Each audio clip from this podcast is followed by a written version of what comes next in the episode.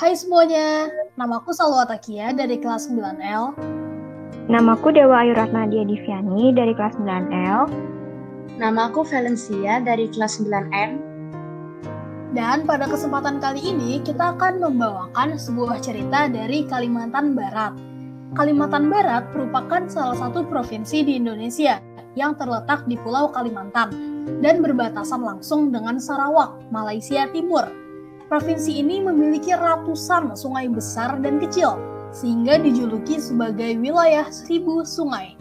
Menurut cerita, di sebuah daerah di provinsi ini, ada seorang gadis cantik yang menjelma menjadi batu.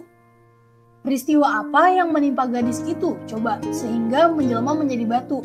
Ingin tahu cerita selengkapnya? Ikuti kisahnya dalam podcast Batu Menangis berikut ini. Alkisah, di sebuah desa terpencil di daerah Kalimantan Barat, Indonesia, hiduplah seorang janda tua dengan seorang putrinya yang cantik bernama Darmi. Mereka tinggal di sebuah gubuk yang terletak di ujung desa. Sejak ayah Darmi meninggal, kehidupan mereka menjadi susah. Ayah Darmi tidak meninggalkan harta sedikit pun. Untuk memenuhi kebutuhan hidup mereka, Ibu Darmi bekerja di sawah atau ladang orang lain sebagai buruh upahan. Sementara putrinya Darmi, seorang gadis yang manja. Apa pun yang dimintanya harus dikabulkan. Selain manja, ia juga seorang gadis yang malas. Kerjanya hanya bersolek dan mengagumi kecantikannya di depan cermin. Setiap sore, ia selalu hilir mudik di kampungnya tanpa tujuan yang jelas, kecuali hanya untuk mempertontonkan kecantikannya. Ia sama sekali tidak mau membantu ibunya mencari nafkah. Setiap kali ibunya mengajaknya pergi ke sawah, ia selalu menolak. Nak, ayo bantu ibu bekerja di sawah. Ah, nggak mau bu. Aku nggak mau ke sawah. Nanti kuku sama kulitku kotor kena lumpur. Apakah kamu tidak kasihan melihat ibu, nak? Enggak. Ibu aja yang udah tua kerja sana di sawah. Kan nggak mungkin lagi ada laki-laki yang tertarik ke wajah ibu yang udah keriput. Mendengar jawaban anaknya itu, sang ibu tidak dapat berkata-kata lagi. Dengan perasaan sedih, ia pun berangkat ke sawah untuk bekerja. Sementara si Darmi tetap saja tinggal di gubuk, terus bersolek untuk mempercantik dirinya. Setelah ibunya pulang dari sawah, Darmi meminta uang upah yang diperoleh ibunya untuk dibelikan alat-alat kecantikan.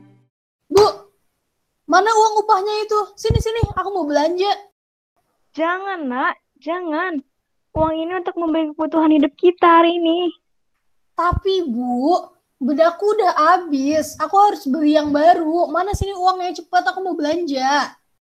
Uh, kau memang anak tidak tahu diri. Taunya hanya menghabiskan uang tapi tidak mau bekerja. Ya udah nih. Meskipun marah, sang ibu tetap memberikan uang itu kepada Darmi. Keesokan harinya, ketika ibunya pulang dari bekerja, Darmi meminta lagi uang upah yang diperoleh ibunya untuk membeli alat kecantikannya yang lain. Keadaan demikian terjadi hampir setiap hari. Pada suatu saat, ketika ibunya hendak ke pasar, Darmi berpesan agar dibelikan sebuah alat kecantikan. Tapi ibunya tidak tahu alat kecantikan yang dia maksud. Kemudian ibunya mengajaknya ikut ke pasar. Kalau begitu, ayo temani ibu ke pasar. Ah, nggak mau, Bu. Aku nggak mau ke pasar sama ibu. Males. Tapi ibu tidak tahu alat kecantikan yang kamu maksud itu, nak. Namun setelah didesak, Darmi pun akhirnya bersedia menemani ibunya ke pasar. Ah, ya udah deh. Aku ikut ibu ke pasar. Tapi ada syaratnya, denger. Ibu harus berjalan di belakangku. Memang kenapa, nak? Aku malu tahu sama orang-orang kampung jika harus jalan berduaan sama ibu. Ih. Loh, kenapa? Kenapa harus malu, nak? Bukankah aku ini ibu kandungmu? Ibu harusnya ngaca. Lihat wajah ibu yang udah keriput dan pakaian ibu yang sangat kotor. Aku malu punya ibu berantakan kayak gini. Walaupun sedih, sang ibu pun menuruti permintaan putrinya. Setelah itu, berangkatlah mereka ke pasar secara beriringan. Darmi berjalan di depan, sementara ibunya mengikuti dari belakang dengan membawa keranjang. Meskipun keduanya ibu dan anak, Penampilan mereka kelihatan sangat berbeda, seolah-olah mereka bukan keluarga yang sama. Sang anak terlihat cantik dengan pakaian yang bagus, sedangkan sang ibu kelihatan sangat tua dengan pakaian yang sangat kotor dan penuh tambalan. Di tengah perjalanan, Darmi bertemu dengan temannya yang tinggal di kampung lain. Hai Darmi, mau ke mana kamu?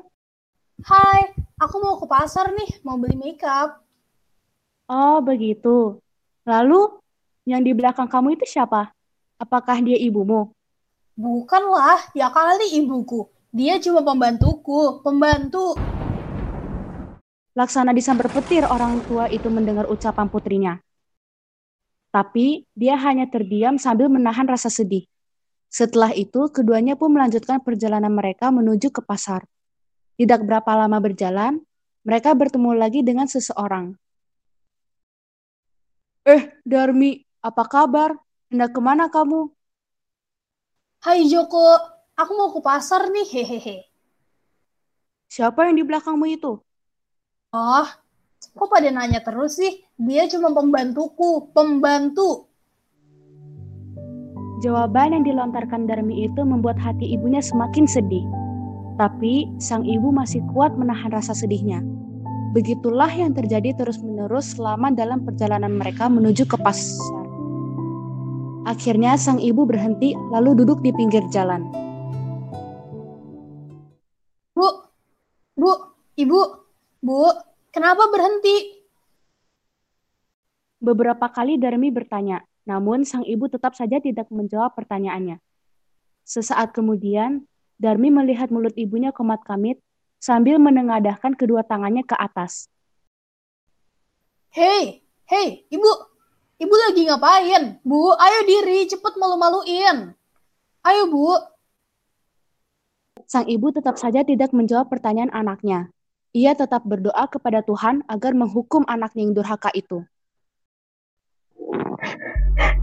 Ya Tuhan, ampunilah hambamu yang lemah ini hamba sudah tidak sanggup lagi menghadapi sikap anak hamba yang durhaka ini. Berikanlah hukuman yang setimpal kepadanya. Tiba-tiba langit menjadi mendung. Petir menyambar-nyambar dan suara guntur bergemuruh, memekakkan telinga. Hujan deras pun turun. Pelan-pelan, kaki Darmi berubah menjadi batu. Darmi pun mulai panik. Bu, ibu, kakiku kenapa? Ibu, kakiku kenapa jadi batu? Bu, ibu, maafkan Darmi, Bu. Maafkan Darmi. Darmi tidak akan mengulanginya lagi, Bu. Ibu tolong gagalkan kutukannya. Namun, apa hendak dibuat? Nasi sudah menjadi bubur. Hukuman itu tidak dapat lagi dihindari. Perlahan-lahan, seluruh tubuh Darmi berubah menjadi batu. Mulai dari kaki, badan, hingga ke kepala. Gadis durhaka itu hanya bisa menangis dan menangis menyesali perbuatannya. Sebelum kepala anaknya berubah menjadi batu, sang ibu masih melihat air menetes dari kedua mata anaknya. Semua orang yang lewat di tempat itu juga ikut menyaksikan peristiwa itu. Tidak berapa lama, cuaca pun kembali terang seperti sedia kala. Seluruh tubuh Darmi telah menjelma menjadi batu. Batu itu kemudian mereka letakkan di pinggir jalan bersandar ke tebing oleh masyarakat setempat, batu itu mereka beri nama batu menangis. Batu itu masih tetap dipelihara dengan baik, sehingga masih dapat kita saksikan hingga saat ini. Demikianlah cerita dari daerah Kalimantan Barat, Indonesia. Cerita di atas termasuk cerita teladan yang mengandung pesan-pesan moral yang dapat dijadikan sebagai pedoman dalam kehidupan sehari-hari. Salah satu pesan moral yang dapat dipetik dari cerita di atas adalah kita tidak boleh jadi anak yang durhaka. Oleh karena itu, seorang anak harus hormat dan patuh kepada kedua orang tuanya karena doa ibu akan selalu didengar oleh Tuhan. Terkait dengan sifat durhaka ini, dalam tunjuk ajar Melayu dikatakan, kalau hidup mendurhaka, ke mana pergi akan celaka. Kalau suka berbuat durhaka, orang benci Tuhan pun murka. Demikian kisah yang dapat kami bawakan hari ini. Saya Salwa Takia. Saya Dewa Yuratna Diviani. Saya Valencia. Kami pamit. Terima kasih sudah mendengarkan.